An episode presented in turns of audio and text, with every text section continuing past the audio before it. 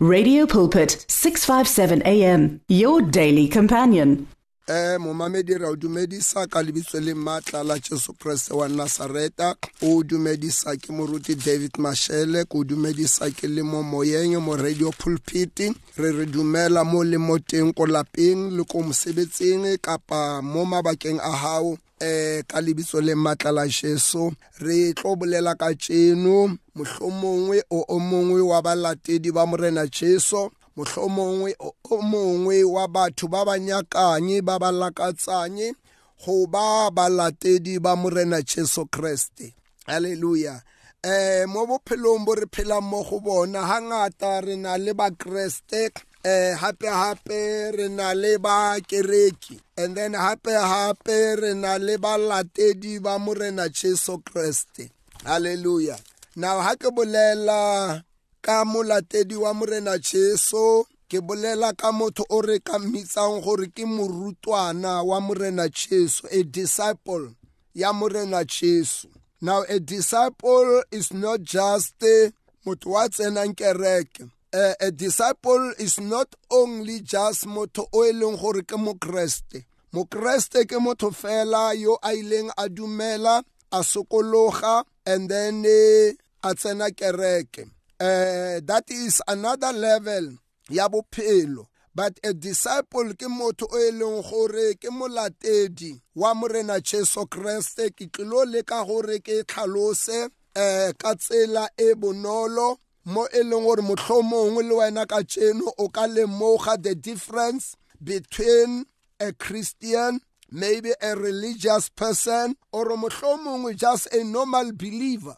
wa itse o na le batho ba bangwe ba ba believang ntho e nngwe le e nngwe and then ha ba na site e ba emeng mo yona they believe everything. Ha o ya ko dingakeng ba teng ha o ya ko baporofetang ba teng ha o ya ko kerekeng ba teng ha o ya ko meletlong e itseng ba teng bona ha ke ba maja zonke. Halleluja so batho ba ba believang balo pila-pila ha ba na position. You say they are just believers. Mara go na le batho ba e leng gore okay ba kena kereke they are committed ko kerekeng they are doing this and that. And then go na le batho ba e leng gore of course ba ipitsa gore ke bakreste which is true ke bakreste mara mo gare ga bakreste le batho ba ba tsenang kereke go na le batho ba e leng gore ke ba balatedi ba morena jesu kapa ke barutwana ba morena jesu. Now e re ke tlhalose discipleship what is discipleship? There is discipleship and there is also a disciple. A disciple ke motho o a leng involved in discipleship. Mo e leng gore o a discipliwa. You say and a discipleship it's a is an activity e batho ba bang involve mo go yona hallelujah. So uh, discipleship is a process. E leng gore ke tsamao ya bokreste e e leng gore isa motho mo botlalong ba setshwano sa morena jesu that is discipleship. It's a process.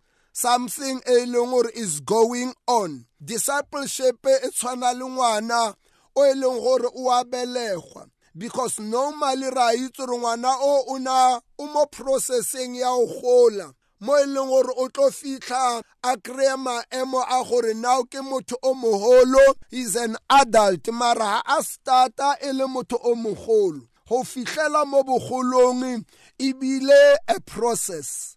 Hallelujah.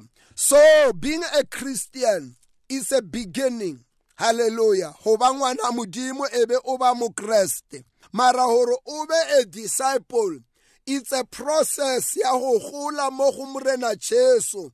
Ka go ba molatedi wa morena jesu. Not just mokereki wa mokereki. And then baebele e re jesu kreste o ile a ba bitsa.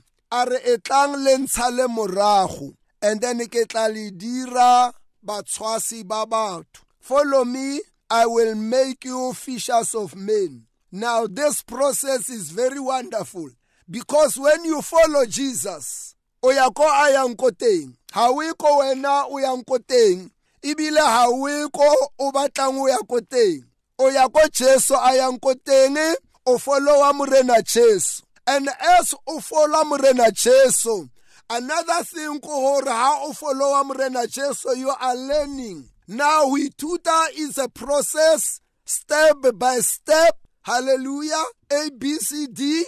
And then you are learning something. Hallelujah. Now a disciple is also a learner ke morutwa. O a ithutang jesus becomes your master. Hallelujah. And then you become wena a servant e leng gore is following the master and then you are learning from what jesus is doing. Hallelujah. Wa ithuta se a se dirang wa ithuta se a se bolelang wa ithuta ka tsela e go jesu a phelang ka teng. That is step number one or number two. Number three ha o ntse o bona gore jesu o etsang as you are following him and learning then you start doing se se dirang ke morena jesu. That is a process of discipleship e e nang le di-steps or dikgato tse di farologaneng. Number one wa dumela. Number two o mo sala morago. Number three o mo lebelela gore o etsang o reng and then wa ithuta. And then number four mongwe o wa exercise. O dira se morena jesu a se dirang na go na le dilo tse ngata tse jesu kreste a ileng a di etsa. Jesu o ne a tsamaya e re babele o ne a ralala metse le metsana. A tsamaya a rera efangedi e re babele a fodisa batho a lokolola batho ba ba neng ba hateletswe ke satane le maatla a leswisi gape-gape jesu kreste o ne a etsa mehlolo what a wonderful jesus. Jesu kreste sepheo sa hae se segolo e ne e le go tshwarela batho dibe. Amen. That is why the first message of the gospel it says repent. Hallelujah. Repent. Now the word repent sokologa gobane mmuso wa modimo o atametse. Go raya gore retologa turn around. Haleluya bakela ditsela tsa hao bakela mesebetsi ya hao bakela mekgwa ya hao bakela hape hape dipolelo tsa gago bakela tsohle tsa tsamaisaneng le bomodimo. Haleluya so ha o etsa is step number one sa o sokologa and then step number two now after you have repented you become a follower ya morena jesu kreste and then you are learning from morena jesu. You are practicing se morena jesu kreste a neng a se etsa. Le wena o starta o rera efangedi o shera le batho ba bangwe o ba botsa ka lerato la modimo o developa tumelo yes ya go emelana le satane le maatla a mobe le wena o tseya lebitso la morena jesu ha o bala mo bukeng ya matthew chapter number 10 you find gore es barutwana ba jesu kreste ba ntse ba mosala morago. E re babele go ile ga fitlha mo e leng gore o a ba roma a re tsamayang le rere efangedi halleluja ba botlhe ba ba dumelang e re babele le ba kolobetse. Ka lebitso la ntate le la morwa le la moya o halalelang. And then e re babele le fodise balwetse. Le kgaremeletse madimona ko ntle.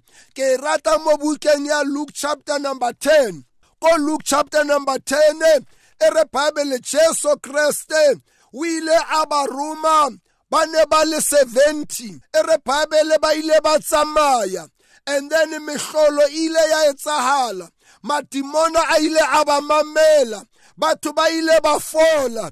And then ha o bala mo go verse number 17 e re babele ba ile ba bua ka boitumelo ba botsa morena jesu ba re madimona le ona a a re obamela ka lebitso la gago halleluja jesu a ba bolelela a re ke bone satane a theoga bjale ka legadima a wa go tloga legodimong empa o ba botsa mantswe ana. A re le seke la itumella fela.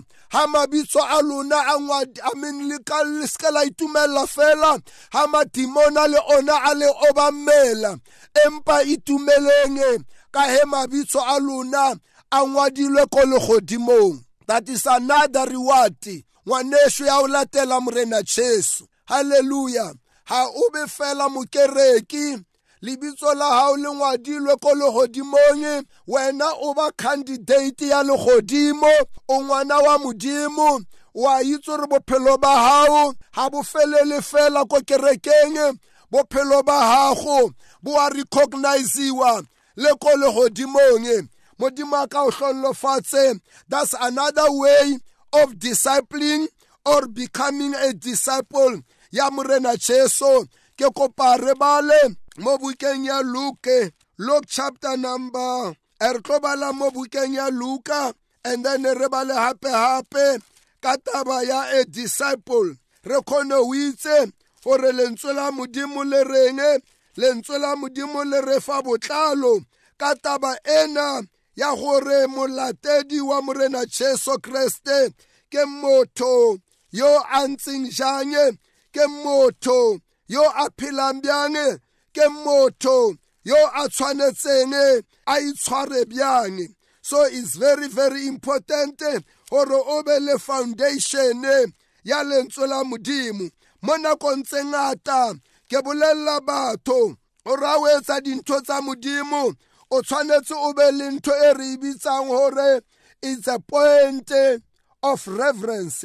Point of reverence ke gore re kgauta dilo go tswa mo lentsweng la modimo. Mo bukeng ya luke chapter number 14 re tlo bala verse number 25 to verse number 33 yona e bala ka tsela e latelang. Re starte from verse number 25 now great multitude went with him and he turned and said to them if anyone comes to me and does not hate his father and mother wife and children, brothers and sisters, yes, and his own life, eh, he cannot be my disciple. This is a challenge. That's why ke bolela gore go ba mo disciple ga se kena kereke fela ga se o ba fela mopholoswa ga se o ba fela a christian. Uh, uh, is more than that. Pila pila go ba a disciple go batlagala total commitment. Go boitelo ka botlalo go te neela ka eng ka boitalo ka boitelo. Jesu kreste o re yo a batlang go ntshala morago a itlogele a sikare sefapano sa hae motshehare and then a ntshale morago o tswela pele a re gobane yo a batlang go boloka bophelo ba hae bo tla mo latlhegela so ka mantswe a mangwe ga ona a choice ngwaneso. If you want to save your life e re bible you will lose it. Empa ha o neela bophelo ba hae ka lebaka la morena jesu e re wena o tla bo boloka. And that is why o re jesu le seke la itumelela fela. Ha madimone a le obamela mara itumeleng gore mabitso a lona a ngwadilwe ko legodimong. Ka baka la eng? You are showing commitment ya gore le latele morena jesu. Halleluja go tsamaya le thusa batho. Le rapella batho le lokolla batho le bolela evangeli i mean this is a task e e batlang a discipleship.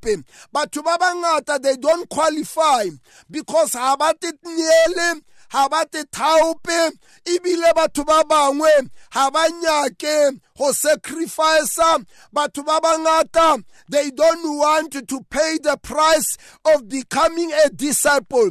O re jesu the payment is very simple.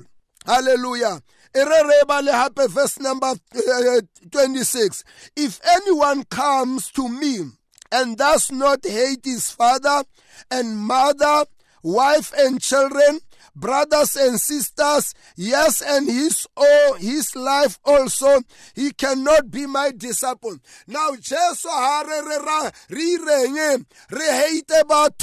literally. Ka mantswe a mang morena jesu a re re itokolle mo bathong. Halleluja re ra ipo empa re ipofelle mo go yena ka gore re latele yena re etse thato ya yes batho ba bangata ba tla bolela ba re ee since o ba mokreste ga o sa nataba le rena. Since o ba mokreste ga o santse ga re sa kgona o nula le wena. Le ditšhomi tsa gago ko strateng bo mamang le bo mamang ba tlo batla gore o dule. And then life ya gago e seke ya tswela pele.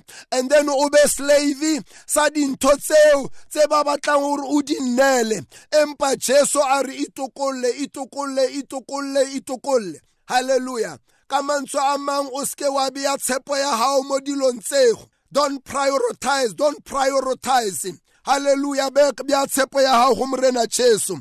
Verse number 27 and whoever does not bear his cross and come after me cannot be my disciple. You say a cross it means go tiniela go dira thato ya modimo ka botlalo ga go re re tsamaya o o o kapa kota and then o ire sefapano o rwale kota ee ngwaneso.